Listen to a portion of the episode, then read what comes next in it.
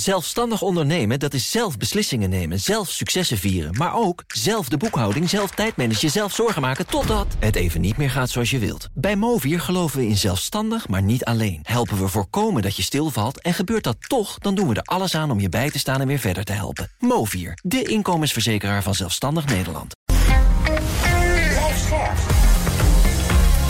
BNR Nieuwsradio. The Big Five. Art Rooijakkers. Het is deze week één jaar geleden dat Russische troepen Oekraïne binnenvielen. onder het mom van een speciale militaire operatie. En een jaar na dato maken we de tussenstand op. Hoe heeft de oorlog zich het afgelopen jaar ontwikkeld? Wat waren de belangrijkste omslagpunten in de strijd? En welke geopolitieke verschuivingen hebben er plaatsgevonden? En wat zijn de mogelijke scenario's voor de toekomst? Nou, daar ga ik het deze week over hebben. Daar heb ik het deze week over. Tot nu toe met drie experts. Er komen nog twee van vandaag één. In BNR's Big Five van één jaar oorlog. Vandaag de gast Laurien Krump, onderzoeker internationale betrekkingen aan de Universiteit Utrecht. Welkom. Dankjewel. Voordat ik het ga hebben over die, uh, dat jaaroorlog, wil ik graag twee dingen van je weten. Uh, ten eerste, we beginnen toch bij Poetin en dat laatst bestaande nucleaire verdrag met de Verenigde Staten, het Nieuw Startverdrag, is opgeschort vanuit Rusland. Dat is de laatste druppel, denk ik dan. Hè? De laatste politieke band tussen de VS en Rusland is niet meer te repareren nu. Nee, dat is wel echt zorgelijk. Dus er is uh, nog een band doorgesneden en dan uh, een, een, nucleaire band. Uh, wat wel belangrijk is om te beseffen, is dat het gaat om een opschorting. Dat daar in dat verdrag eigenlijk helemaal geen ruimte voor is. Dat Poetin al sinds de invasie en ook sinds de pandemie eigenlijk geen Amerikaanse inspecteurs meer binnenliet. En dat hij ook nog eens gisteren heeft gezegd zich de komende jaren nog wel aan dat verdrag te zullen houden en niet meer nucleaire wapens te zullen gaan ontwikkelen. Dus het lijkt toch wel iets meer retoriek dan dat het echt uh, gevaarlijker wordt. Maar het geeft hem uiteindelijk wel, hè, als hij echt wil escaleren, iets meer speelruimte dan hij al had. Ja, gisteren uh, hadden we hier Patrick Bolder te gast van het Haag Centrum voor Strategische Studies. Hij zei: Het is ook een manier om te dreigen, te laten zien: kijk, ik heb nucleaire wapens niet vergeten daar in het Westen. Nee, klopt. Dat zien we eigenlijk telkens als Poetin in het nauw gedreven is. Dan houdt hij een uh, nucleair dreigement haalt hij uit de kast. En het werkt ook, want het is meteen vorige pagina nieuws uh, overal. Dat is natuurlijk precies wat hij beoogde. Ik wou vraag ook weer naar bij je. Sorry? Ik vraag er ook weer naar bij je. Ja, precies. Dus uh, we zijn erin getrapt met z'n allen. Nou, dan gaan we snel door. Tweede vraag. Je bent niet alleen onderzoeker internationale betrekkingen aan de Universiteit Utrecht, maar vond ik zo opvallend. Sinds september vorig jaar ook rector van een middelbare school in Aalten, Gelderland. Ja, dat klopt. Ja, ik ben eigenlijk met name rector en het onderzoek. Doe ik, er, doe ik erbij. Ja, en dat gold sowieso voor die media optredens. Daar, daar krijg je ook geen tijd voor, dus dat komt er allemaal bovenop.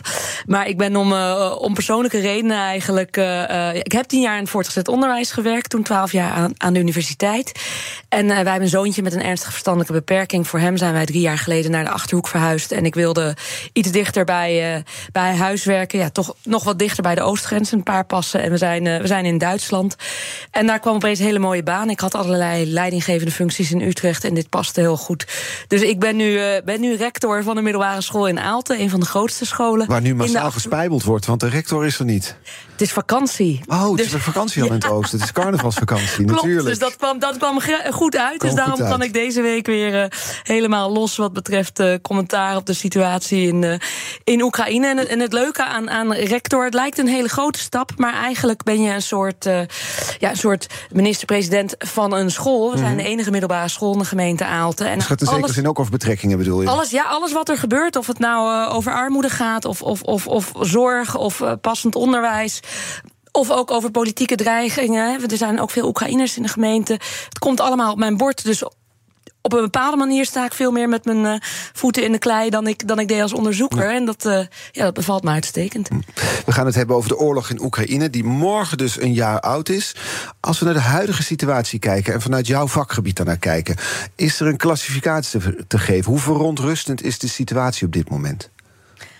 Nou, ik vind hem wel verontrustend. En wat ik met name verontrustend vind, is dat er geen uh, exit-strategie uh, lijkt te zijn. En we gaan allemaal mee in de retoriek van Zelensky, die ik heel erg goed snap vanuit zijn perspectief. Van we, er zijn meer wapens nodig. we moeten alle Russen uit Oekraïne verdrijven. wij willen. Wij willen dat ons territorium uh, tot op de laatste centimeter vrij is van Russen. Mm -hmm. Daarin heeft hij natuurlijk ook gelijk. En je ziet dat hij daar de westerse regeringsleiders heel erg in meekrijgt. Eigenlijk is er bijna een soort wedloop van wie spreekt Zelensky het meeste, wie mag er bij hem op bezoek, wie gaat hij toespreken. Daar zit ook een stukje status en prestige aan vast. Alleen wat ik daaraan uh, wat beangstigend vind, is.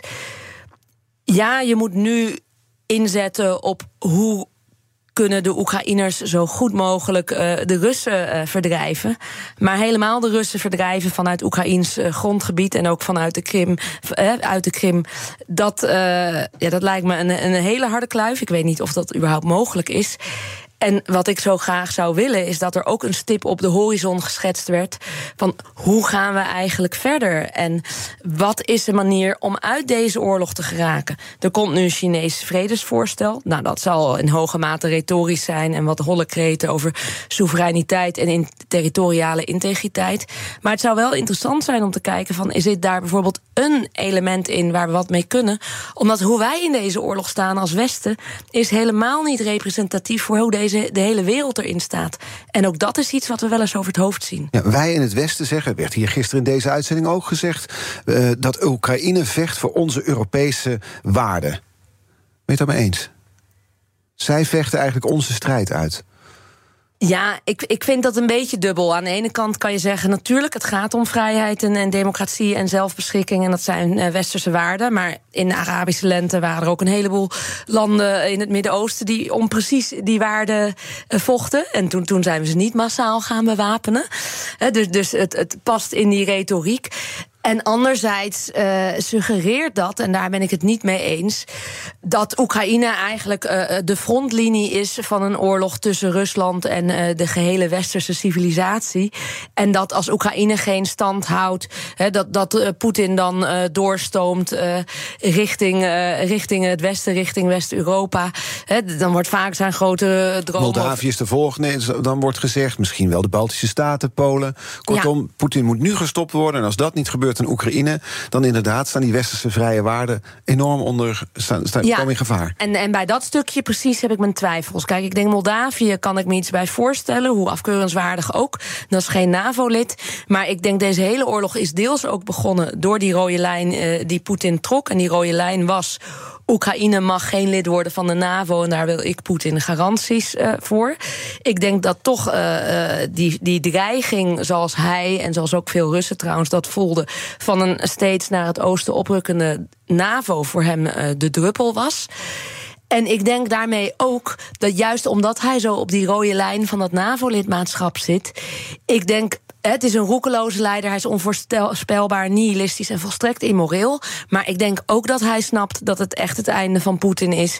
als hij een NAVO-land binnen gaat vallen. Dus ik denk echt niet dat hij dat gaat doen. En wat ik zie, uh, en dat, is, uh, ja, dat zegt iets over Zelensky's uh, kracht. maar ook iets over ja, soms een beetje westerse naïviteit. Mm -hmm. is dat de retoriek van Zelensky, hè, die zegt, en dat zei hij laatst nog in Brussel. en dat, dat, dat, nou, dat zegt hij eigenlijk overal van dit is een oorlog die wij voor jullie Europa voeren.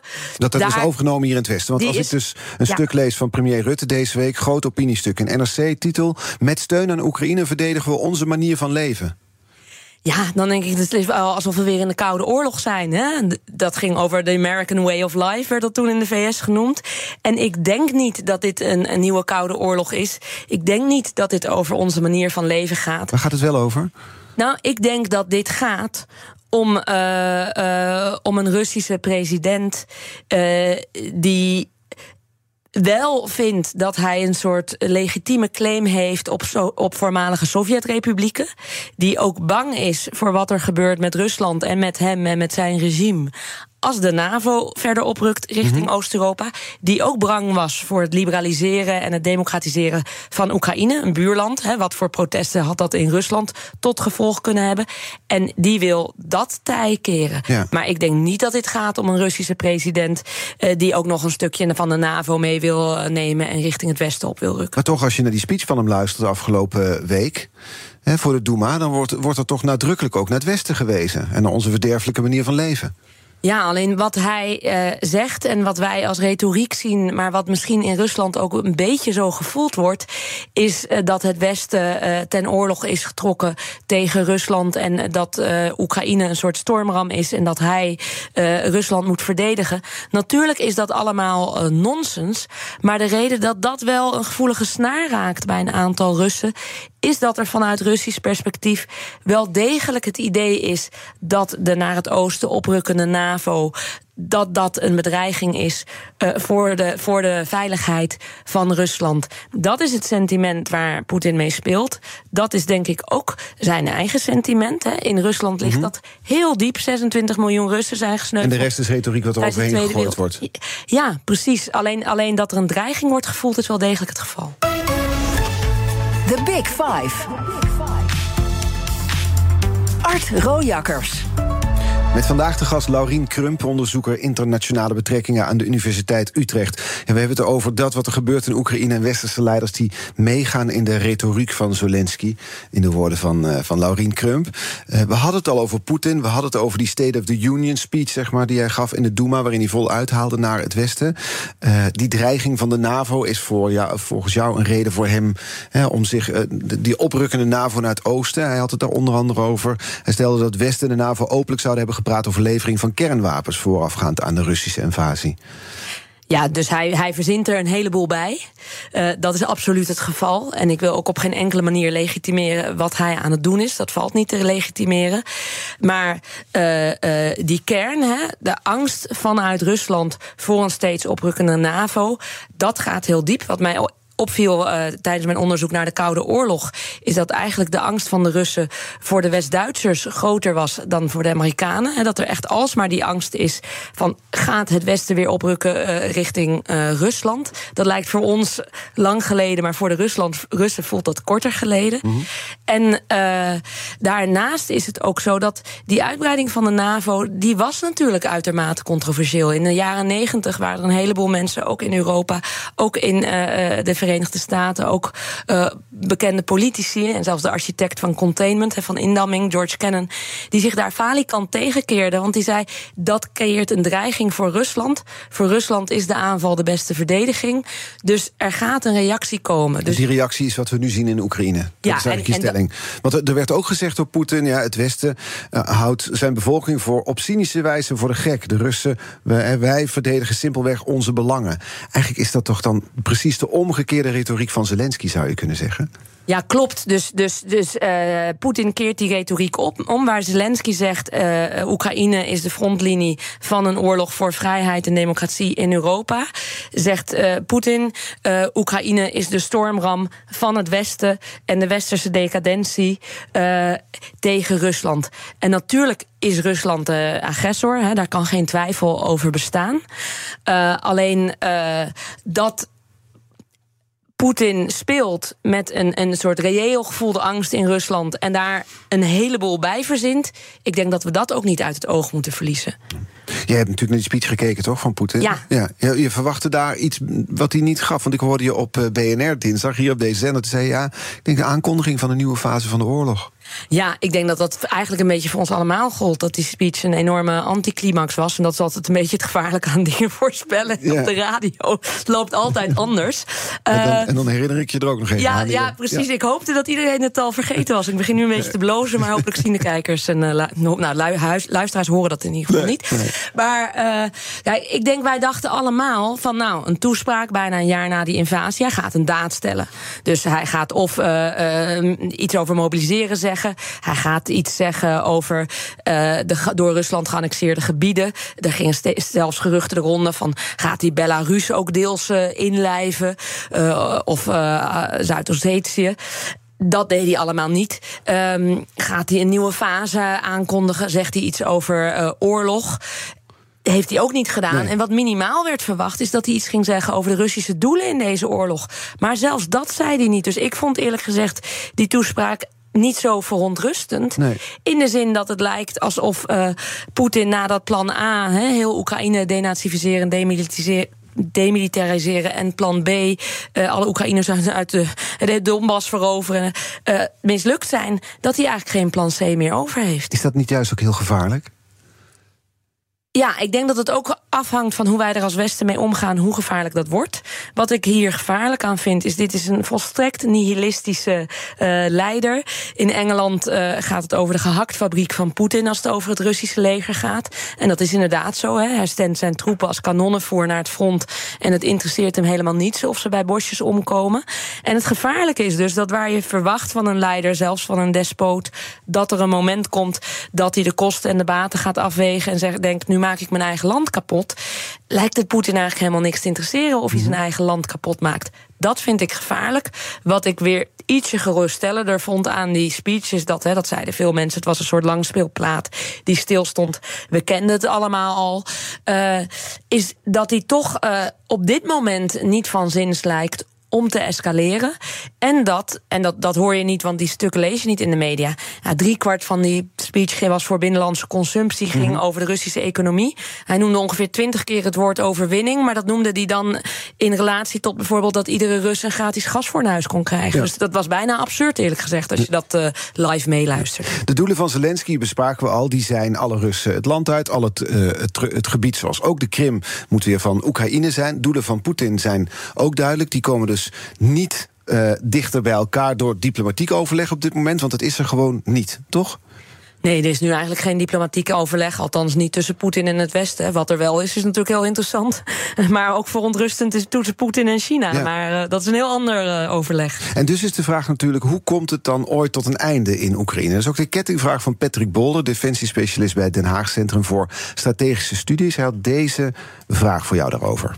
Deze oorlog houdt ooit op en hopelijk snel, want ieder mensenleven is er te veel wat sneuvelt. Um, hoe ziet straks de veiligheidssituatie eruit? Naar mijn mening een soort koude oorlog opnieuw met een ijzeren gordijn. Maar uiteindelijk zullen we weer moeten een soort van normaliseren met Rusland. Hoe ziet Laurien dat eigenlijk? Welke situatie hebben we straks aan het einde van de oorlog en hoe gaan wij dan met Rusland om? Laten we beginnen met ja, straks aan het einde van de oorlog. Ja, ik denk dit is weer zo'n uh, vraag van de toekomst voorspellen. En uh, zoals je weet zat ik er gisteren naast. Dus dat vind ik, ik even mee. Ik schrijf mee. Ik denk het hangt er ten eerste heel erg vanaf hoe de, hoe de oorlog eindigt. Hè. Dus komt er een, een, een, een onderhandelde vrede waarbij er op de een of andere manier een, een, een list wordt verzonnen waarbij Poetin met een minimum aan gezichtsverlies eh, deze oorlog uitkomt, lijkt me heel lastig. Maar stel dat dat zou lukken, dat is één scenario. Een ander scenario is uh, er wordt tot het bittere einde gevochten. Het kan, net als bijvoorbeeld na de Russische invasie in Afghanistan in 79, kan nog tien jaar doorgaan. het gaat bevriezen en op een gegeven moment implodeert Rusland. Heb je een heel andere situatie. Uh, en uh, vanochtend uh, heeft de Britse minister van Defensie gezegd: van nou, ik schat dat het nog ongeveer zo'n jaar duurt. En dat Oekraïne dan wel alle strategische plekken heeft, heeft terugveroverd. Dus het hangt een beetje van, van die scenario's af. Of je met een totaal verslagen vijand zit, waarbij je moet oppassen dat het niet een soort Versailles 1918, 1919 wordt na de Eerste Wereldoorlog. Dat dat de vijand die vijand zo... vernederd wordt dat dat tot nog meer revanchisme leidt. Hè. Dus ik denk, daar moeten we echt voor behoeden.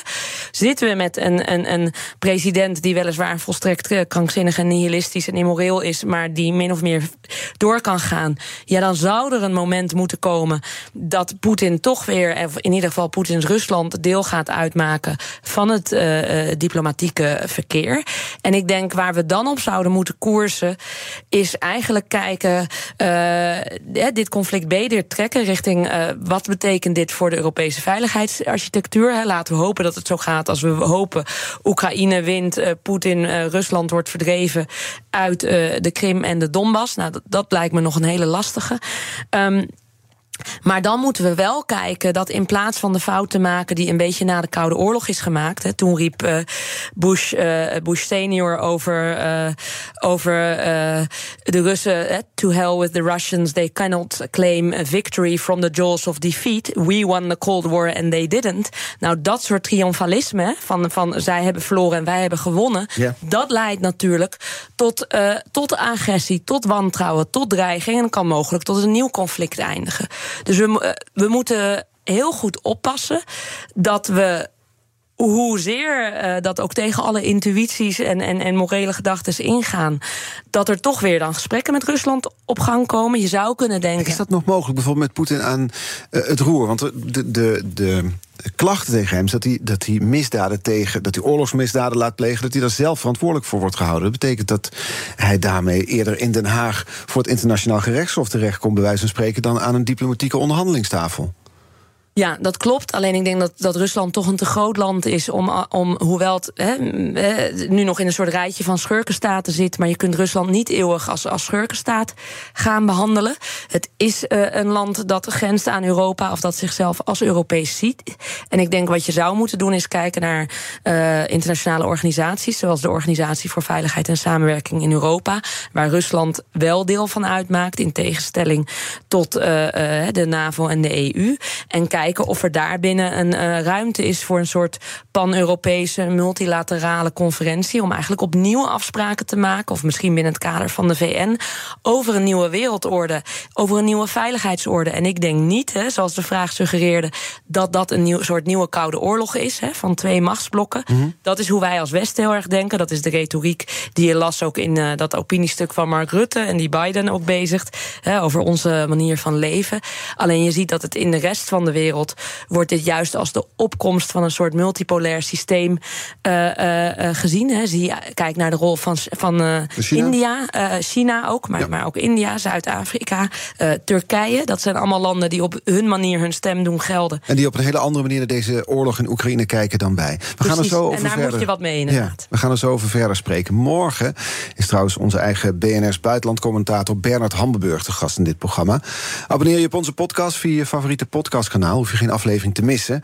En zometeen praat ik verder met onderzoeker internationale betrekkingen Laurien Krump over de mogelijkheden voor een diplomatieke uitweg uit deze oorlog. We hadden het er kort over. Maar ook hoe er in de rest van de wereld naar deze oorlog wordt gekeken. Blijf luisteren. Zelfstandig ondernemen, dat is zelf beslissingen nemen, zelf successen vieren. Maar ook zelf de boekhouding, zelf tijdmanagen, zelf zorgen maken totdat het even niet meer gaat zoals je wilt. Bij Movier geloven we in zelfstandig, maar niet alleen. Helpen we voorkomen dat je stilvalt en gebeurt dat toch, dan doen we er alles aan om je bij te staan en weer verder te helpen. Movier, de inkomensverzekeraar van Zelfstandig Nederland. Maak jij je vandaag zorgen over netcongestie? Fudura helpt je bedrijf om ook morgen zeker te zijn van energie. Door vanuit data energieoplossingen slim te combineren. Zo installeren wij bijvoorbeeld een batterij om je extra opgewekte zonne-energie niet verloren te laten gaan. Kun jij onbezorgd verder met vandaag? Kijk op Fudura.nl. Fudura, de verandering voor. BNR Nieuwsradio. The Big Five. Art Rooijakkers. Welkom bij het tweede halfuur. Deze week vijf experts over één jaar oorlog in Oekraïne. Ja, deze week sprak ik met historicus en Ruslandkenner Hubert Smeets... over de steun voor president Poetin in zijn eigen land. Is terug te luisteren via de BNR-app Vandaag de gast Laurien Krump, onderzoeker internationale betrekkingen aan de Universiteit Utrecht. Komend half uur wil ik graag sowieso nog twee onderwerpen met je bespreken. We hadden het er al over, die mogelijkheden voor een diplomatieke uitweg uit deze oorlog. Maar daar wil ik nog over verder gaan, want ik heb er nog een belangrijke vraag over. En de bredere blik op het conflict die daar volgens jou voor nodig is. Als we met het laatste beginnen. Westerse regeringsleiders zijn volop bezig met de oorlog in Oekraïne. Ik zag net hier voorbij komen beelden van nu weer de Spaanse premier die in Kiev is aangekomen. Een komen en gaan daar. Ook dus de steun aan, uh, aan Oekraïne, hun houding tegenover Poetin. Het lijkt wel alsof dat geopolitiek gezien het enige onderwerp is. Ja, het is wel het hoofdonderwerp natuurlijk. Oekraïne is juist ook door de manier, eh, althans in het Westen, hè, waarop het geframed wordt als ware uh, dat, dat uh, Zelensky aan het vechten is voor onze vrijheid en onze normen en waarden. Dus dan, dan is er ook bijna niks, niks, niks belangrijkers meer. En ook denk ik door de manier waarop Zelensky, en dat is ontzettend knap van hem, en zijn eigen achtergrond in de media en ook zijn eigen talent daarvoor gebruikt om te zorgen dat Oekraïne iedere dag weer voorpagina nieuws is. Hè. Ik denk een jaar geleden hadden we gedacht dat dat men de, deze, tegen deze tijd iets meer oorlogsmoe was. In de zin van dat het, dat daar een soort bevroren conflict zou worden. En wij zouden verder gaan uh, tot de orde van de dag. En dat is natuurlijk bepaald niet het geval geweest. Het is natuurlijk ook het is de grootste landoorlog op ons continent. In ons continent is 1945. De Europese veiligheid staat onder druk. Ja, absoluut. En uh, wat dat betreft is er enorm veel gaan schuiven het afgelopen jaar. Want als je bijvoorbeeld aan de Koude Oorlog denkt, waar het huidige conflict soms wel mee wordt vergeleken. De Koude Oorlog was alleen warm in de periferie, in, in, in Vietnam of Korea of weet ik veel waar. Maar nu hebben we voor het eerst sinds de Tweede Wereldoorlog weer een warme oorlog op Europese bodem. En daarmee zie je dat er van alles is gaan kantelen in de internationale betrekkingen. En dat verklaart ook, los van Zelensky, waarom dit zo hoog op de agenda blijft van al die wereldleiders. Ja, want dat vroeg ik me af. Jij zei eerder in dit gesprek: kijk, alle westerse leiders gaan mee, hier in Europa ook. Rutte doet dat ook, gaan mee in de retoriek van Zelensky. Hun strijd is onze strijd. Zij voeren eigenlijk, zij vechten voor onze Europese waarden. Dat was de stelling. Zo vat ik het goed samen, toch? Ja, Zou je het ook andersom kunnen zien? Zou je kunnen denken, nou, misschien is Zelensky juist een pion in een groter geopolitiek spel, bijvoorbeeld tussen Amerika en China? Spelen daar belangen om zo'n oorlog als dit tot een soort existentieel conflict tussen het vrije Westen en een, eh, een rijk zoals Rusland te maken? Ja, dat zou je ook kunnen zeggen. Dus ik denk dat het uh, twee kanten op gaat. Dat er wederzijdse beïnvloeding is. En dat het ook niet allemaal onwaar is. Maar dat het ook wel heel belangrijk is om nog andere perspectieven en dimensies te zien. Want wat je inderdaad ziet is dat uh, deze oorlog komt natuurlijk uh, niet alleen de Chinese leiders, maar ook president Biden heel goed uit. Hè? Los van dat de NAVO hersendood was verklaard door Macron en nu weer springlevender dan ooit is. Was na een aantal jaren. Trump was natuurlijk Amerika ook een steeds kleinere speler geworden op het uh, wereldtoneel. En nu hebben wij een premier die in de NRC schrijft dat dit de Amerikaanse eeuw wordt. Ik dacht dat we die net achter de rug hadden. Maar er schijnt er nog eentje te komen. Dus natuurlijk komt het ook de Chinezen en de Amerikanen goed uit. En die, dat uh, ja, frame, zeg maar, of, of, of de retoriek van Zelensky sluit ook naadloos aan bij de Amerikaanse retoriek. En dat is eigenlijk gewoon een retoriek die. Uh, ja, zo uit de Koude Oorlog komt. Dus je Hoe ziet je dat? dat nou, dat, dat dat de retoriek is van onze normen en waarden, onze levensstijl. Hè. In de Koude Oorlog ging het over de American Way of Life. Uh, nu staat er in de NRC van onze eigen premier dat het gaat om, om, om hè, de westerse manier van leven. Dat er echt twee, twee systemen en ideologieën bijna tegenover elkaar worden gezet. En ook, en dat verontrust me soms een beetje in het debat, dat het zo ontzettend zwart-wit is. Dus natuurlijk is Poetin op alle manieren fout en die invasie ook. Daar wil ik helemaal niks aan afdingen. Alleen wat ik soms wel verontrust verontrustend vind, is dat je ergens iets. Als je ergens iets probeert te nuanceren en het over historische wortels hebt. of he, dat de NAVO-uitbreiding uh, niet alleen maar een halleluja-verhaal was in de jaren negentig. maar toch ook een tikkeltje problematisch. dan word je al heel gauw uh, in het Poetin-kamp. of in het Vorm voor Democratie-kamp gezet. Nou, ik, ik hoor. Is dat je eigen ervaring? Ja, dat is mijn eigen ervaring. En ik, ik hoor echt niet in die beide kampen thuis. En het valt me op, ik ben ook vaak in België op. Um, de radio en ook wat op de televisie. Gisteren kwam uh, Ter Zake nog bij me thuis. Je bent een beetje het opscheppen, hè? Ja, een beetje, ja. Nou. Maar de, nu, ik heb even de tijd nu, dus ja, dan mag, mag, dat toch? Mag, ja. Nee, maar wat, mij, wat ik, nee, ik, wou, ik wilde wel iets zinnigs daarover zeggen... is dat me juist in Nederland opvalt... en ik denk dat valt historisch te verklaren... dat. Nederland altijd een beetje achter Amerika aanliep... dat dat debat zo ongelooflijk uh, zwart-wit is. En dat in ik, België is dat anders, bedoel je? Dat wilde ik zeggen, dat ik in de Belgische media... is er meer ruimte voor nuance... en worden er verschillende interpretaties tegenover elkaar gezet. Nou, dan is mijn interpretatie is daar één van. Dat is ook niet de ultieme waarheid natuurlijk, dat claim ik ook niet. Terwijl ik in Nederland heel gauw zie, er is maar één interpretatie. Dat is de interpretatie van Zelensky en van Biden. En als je dan kijkt naar die uh, retoriek, dat is ook retoriek. En wat mij verontrust is dat dat is de retoriek die we direct uit de Koude Oorlog van 50 jaar geleden geïmporteerd hebben. Eigenlijk is dit een heel Belgisch programma waar je nu te gast bent. We hebben vijf sprekers over de één jaar oorlog, vijf verschillende perspectieven. Ja, een B stond toch voor België, hè? Ja, dat is het inderdaad. ja. ik dat ja, verkeerd dat begrepen? Is het. Nee, helemaal goed inderdaad. Maar eigenlijk, want dit vind ik wel fascinerend wat je zegt. Je zegt, als je dus ook maar iets van een andere blik op dit conflict, op deze oorlog uit in de media, word je al snel weggezet als een Poetin-versteer. Eigen ja. ervaring. Ja, nee, absoluut. En dat, dat vind ik heel lastig, want je moet telkens alles twintig keer inkleden van ik veroordeel de invasie en ik veroordeel Poetin. Maar er zijn nog wel wat nuances. En ik denk dat die nuances juist ook belangrijk zijn. als we ooit willen gaan nadenken over een exit-strategie. en over een uh, periode na deze oorlog. En hopelijk komt die periode snel. Want als je die nuances niet ziet, ja, dan ga je niemand aan tafel krijgen. Nee, maar die nuances, ja, soms zijn die ook moeilijk te maken. Het gevoel is natuurlijk breed gedeeld dat de oorlog in Oekraïne zich op het randje van een derde wereldoorlog aan het begeven is. Ja, en ik, ik denk dat is dus, dus de nuance die ik uh, wil zoeken. Is dat je heel vaak hoor je die vergelijkingen tussen eh, Hitler en Poetin. En Hitler nam Sudetenland in en daarna de hele wereld. En Poetin Oekraïne en daarna de hele wereld. Ik denk dat die vergelijking niet opgaat. Hè, qua immoraliteit en weet ik veel wat, prima.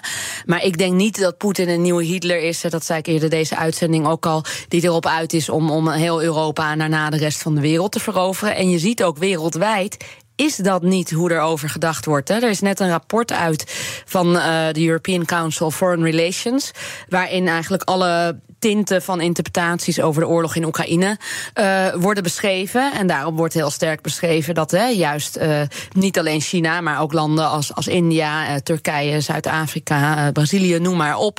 Die hebben een heel andere blik over deze oorlog. Die vinden dat het Westen met twee maten meet. Dat Hoe kijken zij daarnaar dan? Ze zeggen jullie meten met twee maten. Op wat voor manier? Nou ja, kijk, de Amerikanen en met westerse coalities vielen wel binnen in Afghanistan en Irak. Dat waren ook soevereine landen. Dat kon blijkbaar wel. Oekraïne uh, is blijkbaar een brug te ver. Er wordt ook gedacht van, nou, er is een bepaalde mate van uh, discriminatie. Hè. Denk eraan hoe we een half jaar voor de invasie een, een vlucht met, wat was het, 150, paar honderd Syriërs hebben geweerd uit Nederland, omdat er geen ruimte meer was. Terwijl er vervolgens uh, wel, of Afghanen waren pardon. terwijl er vervolgens wel ruimte is voor meer dan 50.000 Oekraïnse vluchtelingen. Dus daar zit ook, je zou kunnen zeggen, er zit een bepaalde mate van discriminatie in. Dat wat wij vinden gelden voor mensen met wie wij ons verwant en dat zijn dan argumenten die je hoort in landen als, die je noemde, India, Zuid-Afrika? Ja, dat zijn die twee maten waar, waar, waar, waar het daar over gaat. En ook dat het daar wordt gezien als, is dit een manier van het Westen om weer naar een bipolaire uh, uh, ja, wereldorde te gaan van het Westen versus Rusland, China enzovoort. Want dat is inderdaad wat je, wat je hoort. We gaan naar een multipolaire wereld toe, waarin nieuwe grootmachten aan het opstaan zijn. China, India, misschien zelfs ook Brazilië bijvoorbeeld. En die, dat zijn de uitdagers van Amerika en, en, en Rusland, waardoor de wereld onveiliger wordt. En jij zegt dat is eigenlijk. Deze oorlog wordt geframed in dat soort landen als een manier om dat tegen te gaan.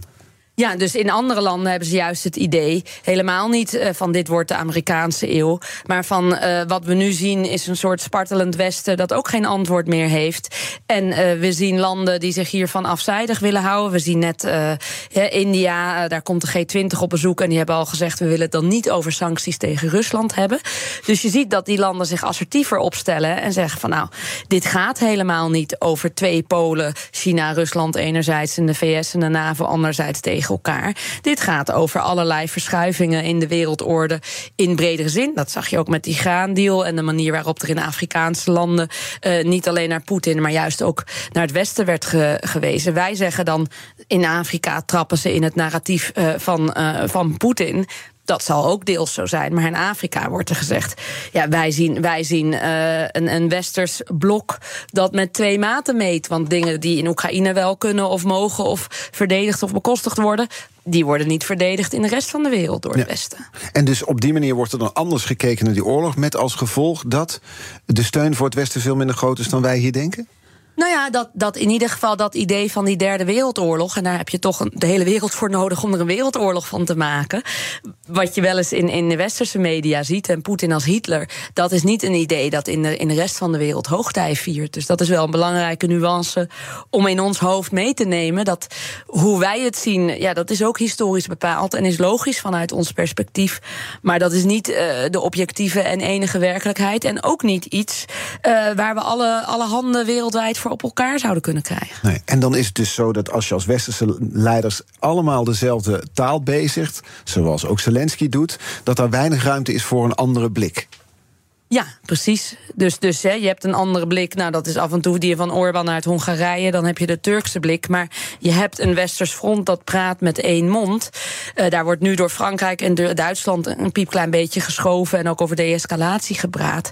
Maar je ziet wel degelijk dat er aan de Westerse kant, uh, ook vanuit Amerika, uh, heel erg wordt geprobeerd om één narratief. Dat is goed fout en daar zit niks tussenin te schetsen.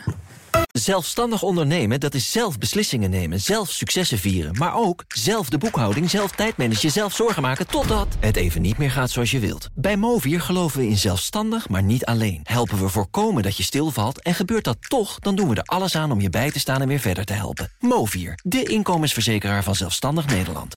Maak jij je vandaag zorgen over netcongestie? Fudura helpt je bedrijf om ook morgen zeker te zijn van energie. Door vanuit data energieoplossingen slim te combineren. Zo installeren we bijvoorbeeld een batterij om je extra opgewekte zonne-energie niet verloren te laten gaan. Kun jij onbezorgd verder met vandaag?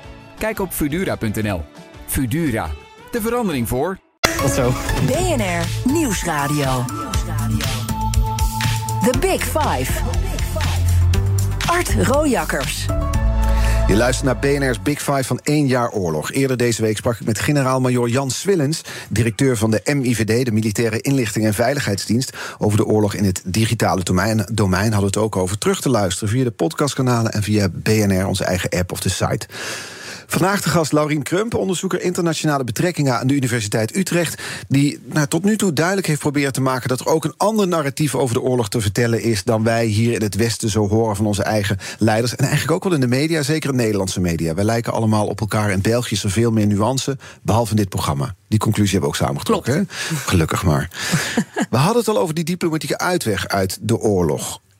Die zie je op dit moment niet. Er is een soort voorstel van China om naar onderhandelingen te openen. Maar wij hebben ons achter uh, Zelensky geschaard, achter Oekraïne geschaard. Aan de andere kant heb je Rusland dat ook niets van haar doelen op wil geven. Er lijkt geen uitleg, uitweg aan tafel mogelijk op dit moment. Nee, niet op de korte termijn. Ik zie wel een beetje ruimte op ontstaan. Als je kijkt bijvoorbeeld naar de veiligheidstop in München afgelopen weekend. Enerzijds was er een duidelijk westers front uh, tegen Rusland. En, en dat is maar goed ook. Maar anderzijds, uh, want die vuist is ook nodig, hè, laten we wel wezen. Anderzijds hoorde je Macron al zeggen: we willen Rusland verslaan, maar niet vernietigen. En hoorde je de Duitsers ook zeggen van hè, wij, wij leveren wel heel veel uh, ook nu tanks en van alles, maar we moeten ook wel uh, denken aan de-escalatie. Tegelijkertijd, hè, wat ik al eerder zei, die toespraak van Poetin had een stuk agressiever gekund. Dus, dus uh, het, het, ging helemaal niet over nieuwe oorlogsdoelen. Het ging eigenlijk, als je de hele toespraak beluisterde, uh, ook heel weinig over de oorlog überhaupt. Of in zijn woorden de speciale militaire operatie. En vervolgens zie je dat China is gaan schuiven. En je ziet nu heel interessant, ook beangstigend, dat China veel dichter naar Rusland is op gaan schuiven. Wat zit daarachter? Wat is daar gebeurd? Nou ja, ik denk een paar dingen. Dus je ziet dat uh, Biden, hè, ook, ook met zijn bezoek aan Kiev en alles, enorm de Amerikaanse plek op het wereldtoneel uh, aan het claimen is. En dat die plek hem door het Westen ook enorm gegund wordt. En je ziet een land China dat natuurlijk al langer uh, een beetje overhoop lag om die hegemonie. En, en om is de wereld bipolair of multipolair met de VS die nu denkt van ja, maar luister eens, wij zijn er ook nog.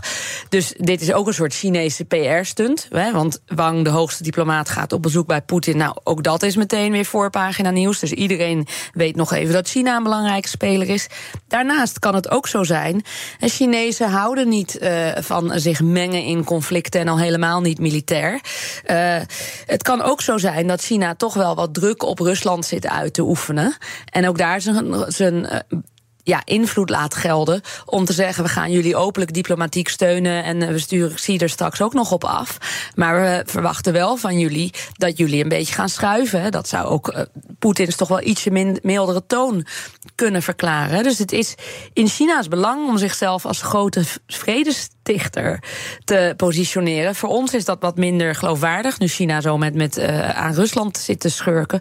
Maar voor andere landen is dat, is dat behoorlijk legitiem. En dat is een manier om dit ook niet, niet China's conflict, maar mogelijkerwijs China's oplossing te maken. De China's oplossing, maar eerder deze week hoorde ik uit verschillende monden: ja, we moeten ook kijken wat er gebeurt als Poetin deze oorlog wint. Dan is China krijgt een vrijbrief om Taiwan binnen te vallen.